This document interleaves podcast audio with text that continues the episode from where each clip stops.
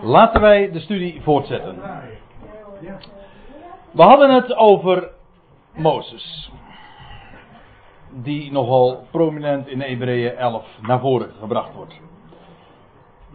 Hij verliet Egypte zonder de toren van de koning te duchten. Hij bleef standvastig al die 40 jaren als ziende de onzienlijke. Dat was het laatste vers wat we voor de pauze bespraken. En dan vers 28. Door geloof. Het weerkerend refrein telkens. Door geloof heeft hij, Mozes, het paascha gehouden. Of gemaakt. Ja, gedaan. Dus dat in sommige vertalingen gevierd, maar dat staat er niet. Hij heeft het uh, gemaakt, maar dat is ook een vrij logische formulering. Het is namelijk via hem ook een gebruik geworden in uh, Israël en toen ook daadwerkelijk gevierd. Via hem. Uh, door geloof heeft hij het gehouden, of eigenlijk gemaakt, en het bloed doen aanbrengen. Pascha, dat, dat woord, dat betekent letterlijk overspringen. En dat heeft te maken met wat er gebeurde met die, die, die verderfengel die langs, ging, langs de huizen ging, maar oversprong bij de huizen van de Israëlieten. Ons woord Pasen komt daar niet rechtstreeks, maar wel indirect vandaan. En ook nog zelfs uh, aanverwante woorden, bijvoorbeeld zoals passeren. Dat is eigenlijk ook gewoon voorbijgaan to pass in het Engels. He? Pass over, ja, pass over, dat is dus eigenlijk ook uh, er overheen gaan. Dat is Pascha, nou dat is, uh, heeft een, um, dat is het feest, het, de hoogtijd bij uitstek waar het jaar dan mee begint. En, maar het is door geloof dat hij dat gedaan heeft. Daar gaat het hier over. En het is niet zo, alleen maar zo dat ze het, het land van Egypte hebben verlaten. Maar het is eerst en vooral via het Pascha. Eerst dat lam dat geslacht werd. Dat was de essentie waar het allemaal op gebaseerd is. Wat er gebeurde op die 14e Nisan.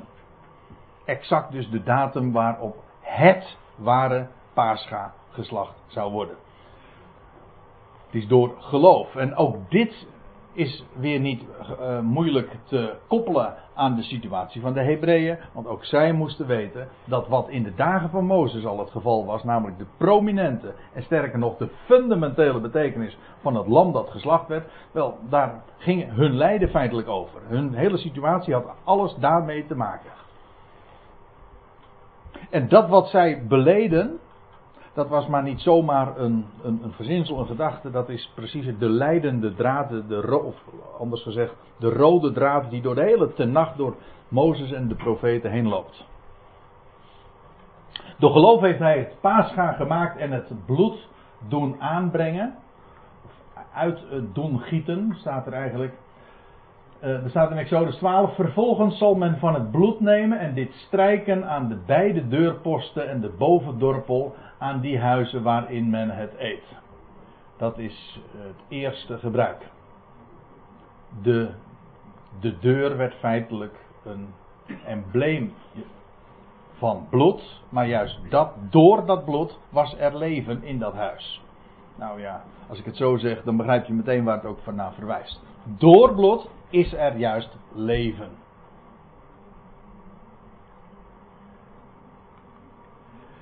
Op dat staat er dan de verderver.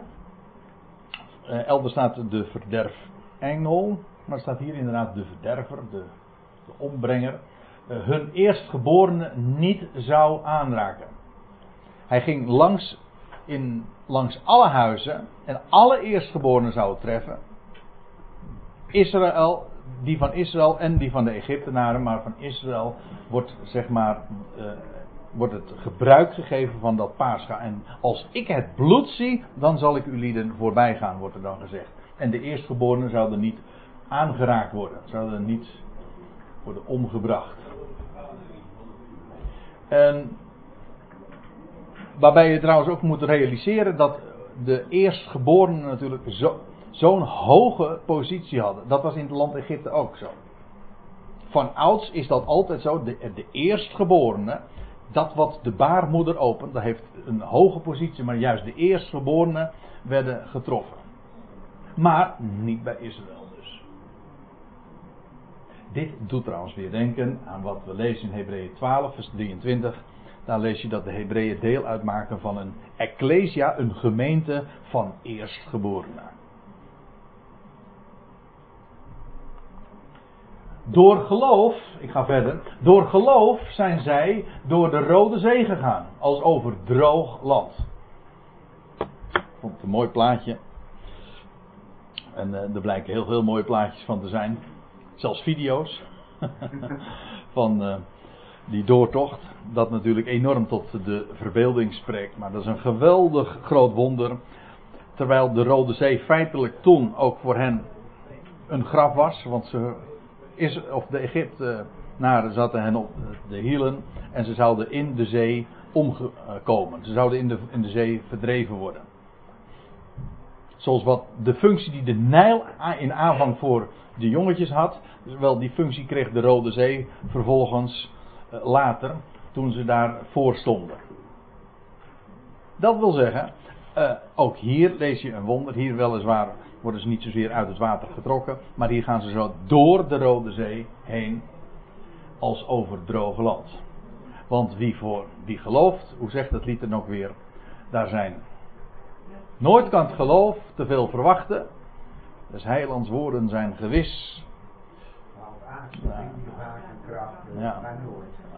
Een vriend als Jezus is, maar dan gaat hij nog verder. Wat zou het zijn in Nee, nee, ik bedoel die over voor, voor wie het heil, oh ja, zo was die ja, nou weet ik het. Voor wie het heil des Heren wacht, het is oud-Nederlands natuurlijk, zijn bergen vlak en zeeën droog. Ja. Zeeën droog. Nou, dat is uiteraard een woord dat ontleend hier uh, aan is. Wat er trouwens precies gebeurde, dat is nog een verhaal apart. Daar zijn ook alternatieve ideeën over. Zo heb ik ooit uh, me bezig gehouden met wat uh, Dr. E.L. Martin uit Amerika erover gezegd. Die zei van het was een ijsbrug. Ze gingen niet, ze gingen niet over de bodem. Eh, maar ze gingen, daar ons, er was een oostenwind, eh, ik meen dat, het, eh, dat je leest een oostenwind, in ieder geval dat het, dat het water gewoon ijs werd. En zo verhoogd werd en ze gingen gewoon over het ijs. Aardig gevonden, maar ik moet u zeggen, er, is, er zitten toch wel een paar. Uh... Het is daar niet zo vaak zo koud daar. Nee, maar dat was dan het wonder, dat ze over het ijs gingen. Ja, en, zit je met de blubber. Hè? Anders zit je met de blubber. Zo ook moeilijk voorstellen. Ja, ze, maar ze gingen als over droog land, hè, staat er. Ja. Droog land. Die zeggen dat het uh, zand is. Ook dat. Ja.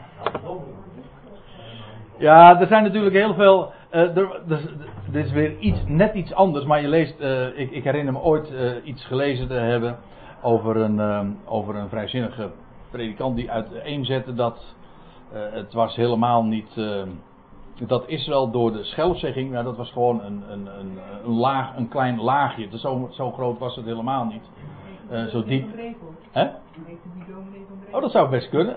Dat zou me niet verbazen, maar er zijn wel meer dominees met die achternaam. Of die soortgelijk denken. Weet je wel, het was allemaal uh, helemaal wegredenerend. Dat deed trouwens Dr. Martin absoluut niet hoor.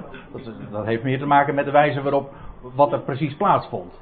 Maar uh, dan zeggen van ja, dat was, uh, het was eigenlijk helemaal niet zo'n groot wonder. Waarop een meisje die die predikant aanhoorde, die, die, zei van, die, die, die, zei van, die vond het wonder eigenlijk dan des te groter. Want dat in zo'n zo'n klein plasje de volk van de Egyptenaren omkwamen. dus linksom of rechtsom, je komt toch op een wonder, hè? Dat kun je toch niet wegredeneren. Ja. Nou, maakt me eigenlijk niet uit. Eén ding weet ik, eh, één ding weet ik zeker. Hè? Uh, ze gingen door de Rode Zee. Door de Rode Zee. Niet door een moeras. Ik geloof dus echt dat, dat die Rode Zee daarbij Nuweba is. En dat ze richting Saoedi-Arabië ging, naar Arabië gingen. Nou, over de locatie, daar gaan we het ook al niet hebben. Dit is genoeg. Door geloof zijn zij door de Rode Zee gegaan. Ook hier in feite weer het verhaal wat je altijd weer treft. Door de dood. Want daar is de zee en zijn water altijd een beeld van. Door de dood heen. Um, komen zij, arriveren zij aan de andere kant. Een verhaal trouwens dat zich nog weer 40 jaar later herhaalt. Want dan gaan ze niet door de Rode Zee, maar dan gaan ze door de Jordaan. Maar wat dacht je wat? De Jordaan is bij uitstek een uitbeelding van dood. De doodsjordaan. En ze gingen door de doodsjordaan en ze kwamen vervolgens in het beloofde land. Op de derde dag was dat trouwens ook.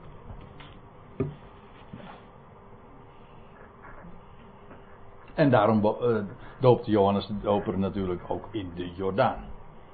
Erin en weer naar boven komen. Dood en opstanding. Door geloof zijn ze door de Rode Zee gegaan als over droog land. En dat vind ik het zo leuk. Het is haast humor. Terwijl de Egyptenaren, toen zij het ook probeerden, verzwolgen werden. Ik dacht hé, dat is een mooie truc, dat gaan we ook doen. En toen beproefden zij dat ook. En toen werden ze verzwolgen. Eerst lees je dat God deed dat, uh, dat de wielen daarin. Vers, hoe staat het precies in Exodus 14, 15? Dat uh, de wielen daarin verzanden en ze konden niet meer verder. En toen werden ze verzwolgen. En heel het leger van Farao is daarin, inclusief hijzelf, is daarin omgekomen. Als de wielen dan ijs zijn Dat lijkt mij ook niet. Of het smeltend ijs of zo. Nee, daar, ik, begrijp me goed. Uh, ik heb een tijdje was ik wel erg gecharmeerd van de, de, de theorie van eh, Martin, maar later dacht ik, het is, uh, het is niet de wijze waarop het zich, zich zo aandient.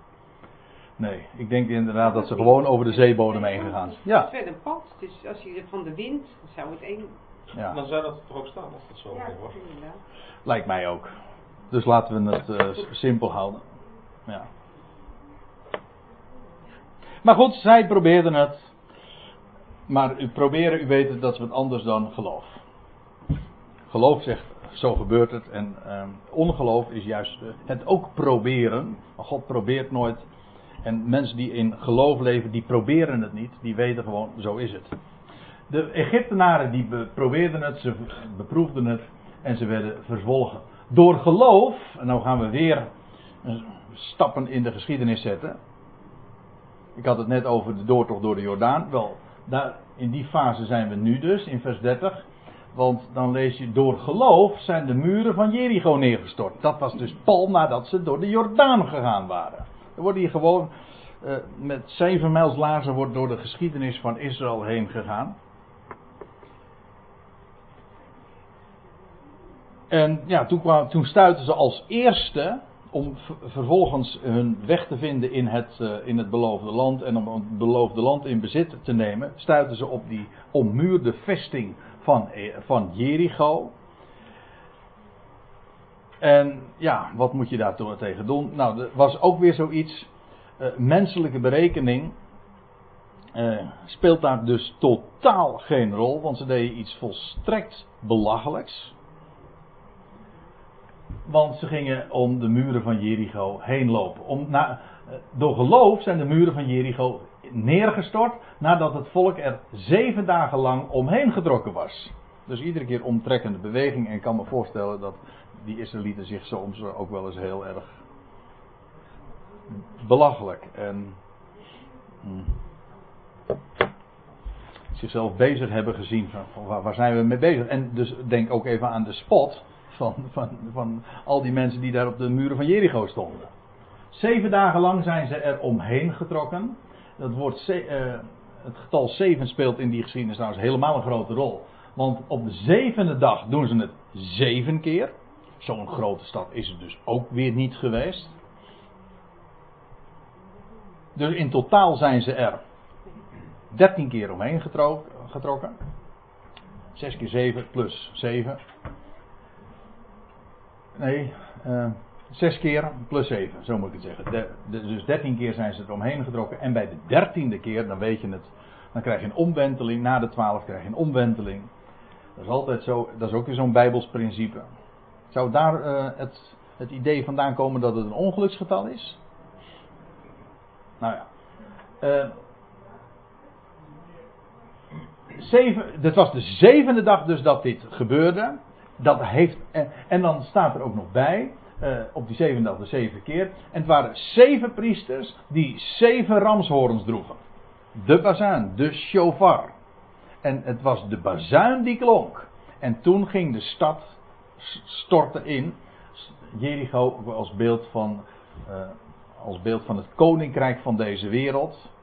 Dat inderdaad op de zevende dag, ik bedoel ook het zevende millennium, het Messiaanse Rijk ten onder zal gaan. Als de horen, als de ramshoren eh, geblazen zal worden. Onder leiding van Jehoshua. Joshua. Ja. Door. Ja, misschien kan die even dicht, ja. Het zijn uh, zulke belangwekkende gesprekken die daar plaatsvinden.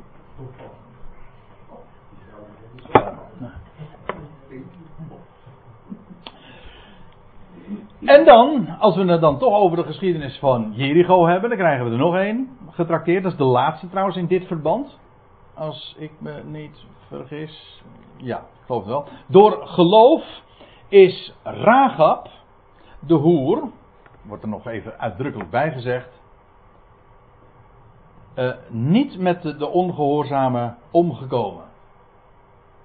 Ja, want kijk, en dan zie je ook weer uh, hoe menselijke berekening, dat hebben we eigenlijk. Het heel Hebreeën 11 is één grote opsomming van hoe de woorden Gods haak staan op alle menselijke filosofie en berekening. En dat ook allemaal trotseert. En een lange neus daarna trekt. Dat zie je dus hier ook. Maar nou hier op een nog wat andere manier. En dat is dat naar menselijke maatstaven. Ragab natuurlijk totaal niet deugde. Ik bedoel nu niet alleen maar om het feit dat ze een hoer was. Maar eh, bovendien, ze was naar menselijke maatstaven gewoon een land, landverraadster. Toch? Zij heeft haar eigen volk verraden. Tenminste, dat zou je zeggen. Maar dan de wijze waarop hier dit naar voren gebracht wordt. Het is door geloof geweest dat Rahab uh, is uh, gespaard gebleven. Niet met de ongehoorzame omgekomen. Let op, trouwens, er staat de ongehoorzame. Er staat maar niet de ongelovigen. Dat ze niet geloof. Nee, ze waren ongehoorzaam. Ze, het volk van Jericho, dat geldt trouwens voor alle inwoners van Canaan, die wisten donders goed hoe de vork aan de steel zat. Dat staat er heel. Want van Ragab lezen we ook, als ze die verspieders opgenomen heeft in huis, dan lees je ook dat van, ja, wij hebben vernomen wat God allemaal gedaan heeft. Ze, ze, zijn op de hoogte van de wonderlijke wijze waarop ze uit Egypte ge, ge, gebracht zijn. Ze zijn op de hoogte van, uh, ze is op de hoogte. We moeten maar even nalezen in Exodus in Jozua. Jozua 2. Ik heb geen diaatje er nu van, maar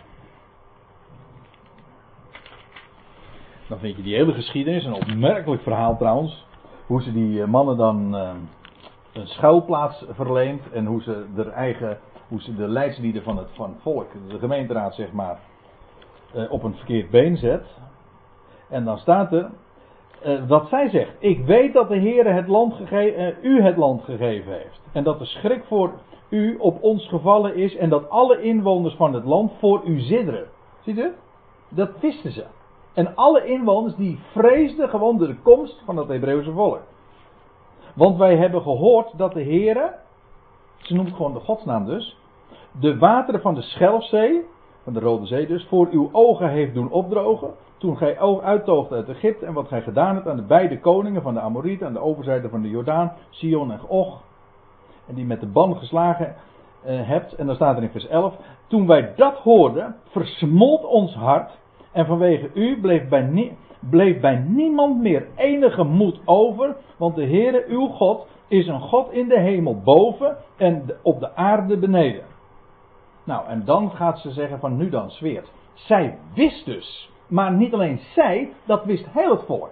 En dan is het Ragab die, ondanks de opinie zeg maar onder het volk, daar totaal tegen ingaat. En dan kun je inderdaad zeggen, dat was in politieke termen landsverraad en in morele termen was een hoer. Ja, maar ze geloofde.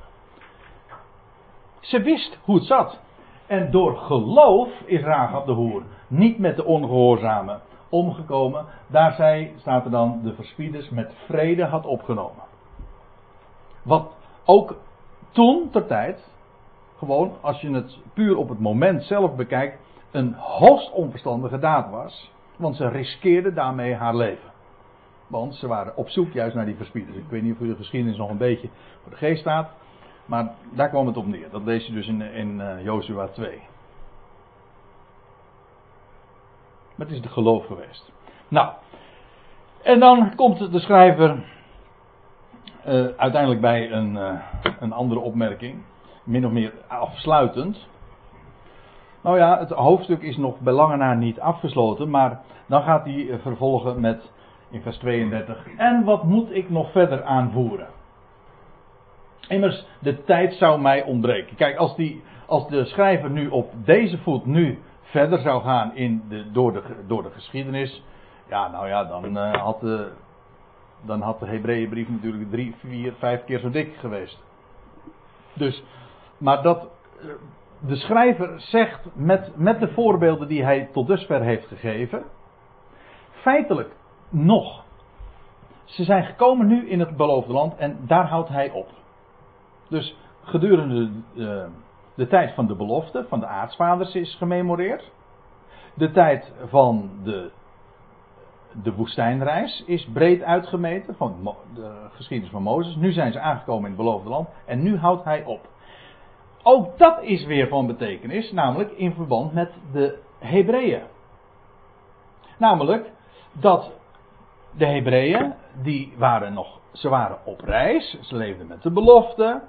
Eh, maar de, de aankomst in het beloofde land en dat ze zich daar vestigden, ja, dat speelt even geen rol.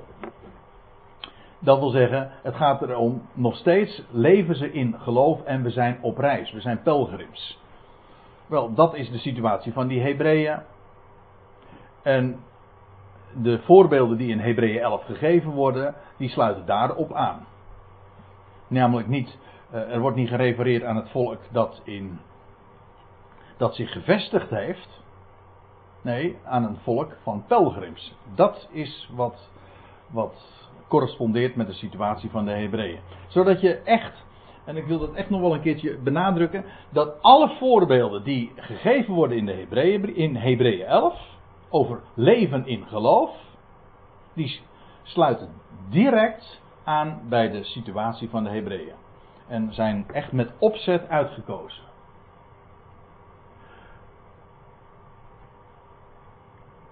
Nou, maar daar houdt de, met de concrete invulling van al die. Uh, van, van wat geloof is, houdt de schrijver nu op. Dat wil zeggen met het beschrijven van de verhalen. Het enige wat hij nu nog wel gaat doen is uh, uh, de persoonsnamen noemen. Hij zegt, als ik ging verhalen van. Ja, en wat hij nu dan vervolgens eerst noemt is uh, vier richters: Gideon, Barak, Simson, Jefta. Ook dat was voordat Israël een koninkrijk was. En dan van. Hij, hij zegt: de tijd zou me ontbreken. Als ik, als ik dat nog weer breder uit zou gaan meten. Over Gideon en Barak, Simson en Jefta. Dat zijn vier richters. Opmerkelijke volgorde, want het is niet chronologisch. Want je had eerst Barak en toen Gideon. En vervolgens Jefta en toen Simson. Maar Gideon, de, de grootste richter, de, de twee grootste richters worden het eerst genoemd. Dat wil zeggen, eerst Gideon en vervolgens Barak en vervolgens Simson was groter dan Jefta. Wordt ook veel meer over uitgeweid. Gideon, u kent de geschiedenis. Nou ja, dat weet ik niet. Maar bekend is vooral natuurlijk dit plaatje. U weet het, dat leger van 32.000 man moest gereduceerd worden tot een legertje van 300 man. Het, het, leger moest niet groot, maar moest kleiner worden. Veel en veel kleiner. En er bleven 300 man over. En degene die, die, die dronken als een hondje. Zo, die slurpten, zo, was, zo lees je het. Wel, die werden uitgekozen. Hè? Nee. Met de hand? Ja. Nee, juist niet. Laten we, laten we het even opzoeken, want nou word ik tegen.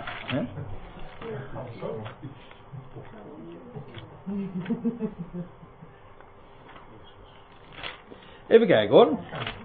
Wat was het? Het moet in hoofdstuk. Hè?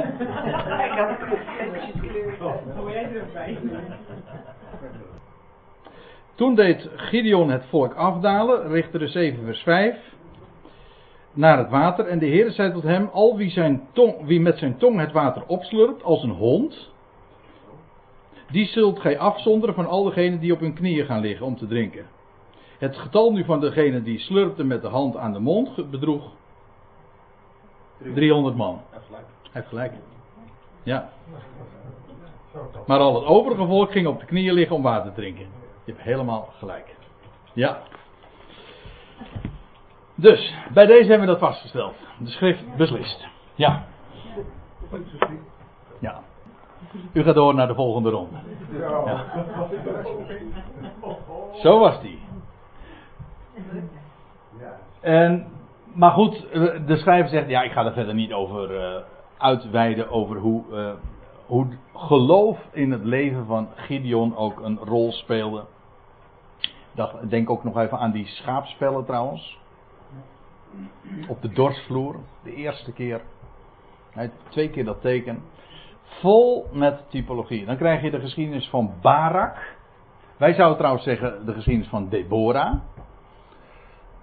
Maar de man wordt uh, zeg maar als eerste hier genoemd. Deborah was de richteres, maar het was door, middel, door de hand van Barak inderdaad, die de legerleider was. De generaal zeg maar. Niet Obama trouwens hoor. Hm? Nee. In Richter 4 en 5 lees je die geschiedenis. Dan krijg je de geschiedenis van Simson.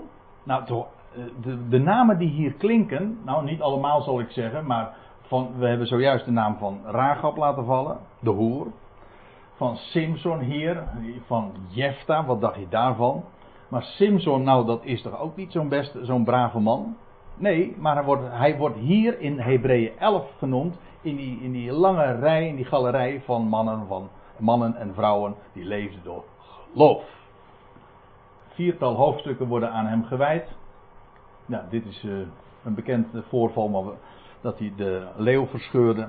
Waar vervolgens in die verscheurde leeuw honing gevonden werd. Wat dacht u van die ezelskaak waar die duizend man mee versloeg? Prachtige geschiedenissen, maar vooral ook prachtig vanwege de verwijzing daarnaar. Verwijzingen naar, uh, naar hem die zoveel krachtiger zou zijn. En dan Jefta, die is wat onbekender. Een hoerenzoon lees je. Ook weer een zoon van een hoer. En die wordt dan. Uh, let op wat ik zeg. Dat is ook prachtige typologie in. Een zoon van een hoer. Wordt verstoten uit zijn vaders huis. Zo staat het er in, in uh, Richter 11 of 12. Nee, 11. En dan vervolgens komt het volk onder vreemde macht. En dan zijn ze in benauwdheid. En dan gaan ze naar, komen ze bij Jefta uiteindelijk uit of hij niet hun leider wil zijn, dus eerst miskend. Vervolgens komen ze. En dan, oh ja, dan lees je ook nog dat hij in die tijd dat hij miskend is, een, een, een leger van nietswaardige lieden om zich verzamelde. Dus ja, wij zouden zeggen struikrovers. Hè? Zoiets. Ik denk dan meteen aan de geschiedenis van David, die ook de verworpen koning was. En die in de tijd dat hij verworpen was, uh, ook 300 man Oh nee, dat was 400 man zeker. Ja, dat was. Hoe was het? Ja, ja, ja als het gaat. Ja, nou ben jij de vragenmaker geworden hoor. Ja, als we, als we, als we de Bijbel. 400, ja, ja, het was in ja, ja, ja. Als we het even niet meer weten, dan, uh, dan komen we bij jou natuurlijk uit. Maar in die tijd dat hij verworpen is, uh, ook die uh, mannen die een schuldeiser hadden, eh, die het niet meer zagen zitten, of die om andere redenen hulp nodig hadden. Zeg stelletje ongeregeld. Stelletje ongeregeld, ja. Nou, dat stelletje ongeregeld had Jefta dus ook in de tijd dat hij verworpen was door zijn, door zijn broeders. En dan vervolgens komen zijn broeder, als ze in de benauwdheid komen, komen ze bij Jefta aan. Jefta betekent trouwens zijn naam, hij die opent. De deur opent, de venster opent. En dan komen ze bij hem uit en hij wordt dan inderdaad Israëls richter en hij bevrijdt hen van de vijandelijke macht. Prachtig plaatje weer. Verworpen door zijn broeders. Ja, dan moet ik ook weer denken aan Jozef natuurlijk. En die uiteindelijk toch een koning blijkt te zijn. Maar ziet u hoe je dat soort structuren iedere keer op, op een of andere wijze weer terug ziet komen. Dat is Jefta. Die trouwens om die reden hier niet zozeer uh, ten gevoerd wordt. Het gaat hier niet zozeer om de typologische betekenis van Jefta en de namen die hier zozeer genoemd worden. Maar het feit dat die mensen hebben geleefd door geloof. Daar gaat het om. En wat dacht u van David? Vooral wordt hier eh, wellicht dan gerefereerd aan het feit dat voordat hij koning was, voor het, de vestiging van het koninkrijk, die ook leefde in geloof. Ja, hij was gezalfd. Hij wist dat Gods oog op hem was en daarom vreesde hij ook zijn leven niet. Hij wist dat hij de gezalfde was. En daarom kon hij het zich ook permitteren om als hij dan bij Saul is, want dit is het plaatje wat daaraan refereert, dan is hij bij Saul. Weet je, in de nacht kon hij hem zo doden. Dat werd hem ook geadviseerd. Nee, nee, David deed het niet. Want hij wist, dat hoef ik ook helemaal niet te doen. Ik hoef een gezalfde van de Heer niet te doden. God heeft mij de troon beloofd en op die troon zal ik komen. Nou ja, ja, de eerst verworpen koning. En dan komen we bij Samuel. En Samuel, de laatste richter trouwens. En de eerste van de profeten. Als u dat bevestigd wil zien, dan lees je dat in Handelingen 13, vers 20. Nou, en vervolgens de profeten. En dan staat er die door geloof koninkrijken hebben onderworpen, gerechtigheid hebben geoefend, vervulling van de belofte verkregen hebben, muilen van leeuwen hebben dichtgesnoerd. Ik denk dat we er verstandig aan doen om de volgende keer hier de draad op te pakken, want hier wil ik graag nog eventjes wat nader aandacht aan geven. Ik wil er alleen nog dit van zeggen, en dat is dat als deze voorbeelden hier gegeven worden, dan zie je daarin dat geloof maar dus niet een theorie is. Geloof is een is staan op het woord en de overtuiging van zaken die je niet ziet. En het is de, de aanname van de verwachting. Maar dat heeft zulke consequenties. En wat het doet in een mensenleven. Nou, we hebben het vanavond alleen al gehad over, over Jacob, over Jozef, over Mozes. Bij allerlei gelegenheden. Allemaal mensen die leefden door geloof. Ragab naar menselijke maatstaven misschien volstrekt miskend en belachelijk. Ja.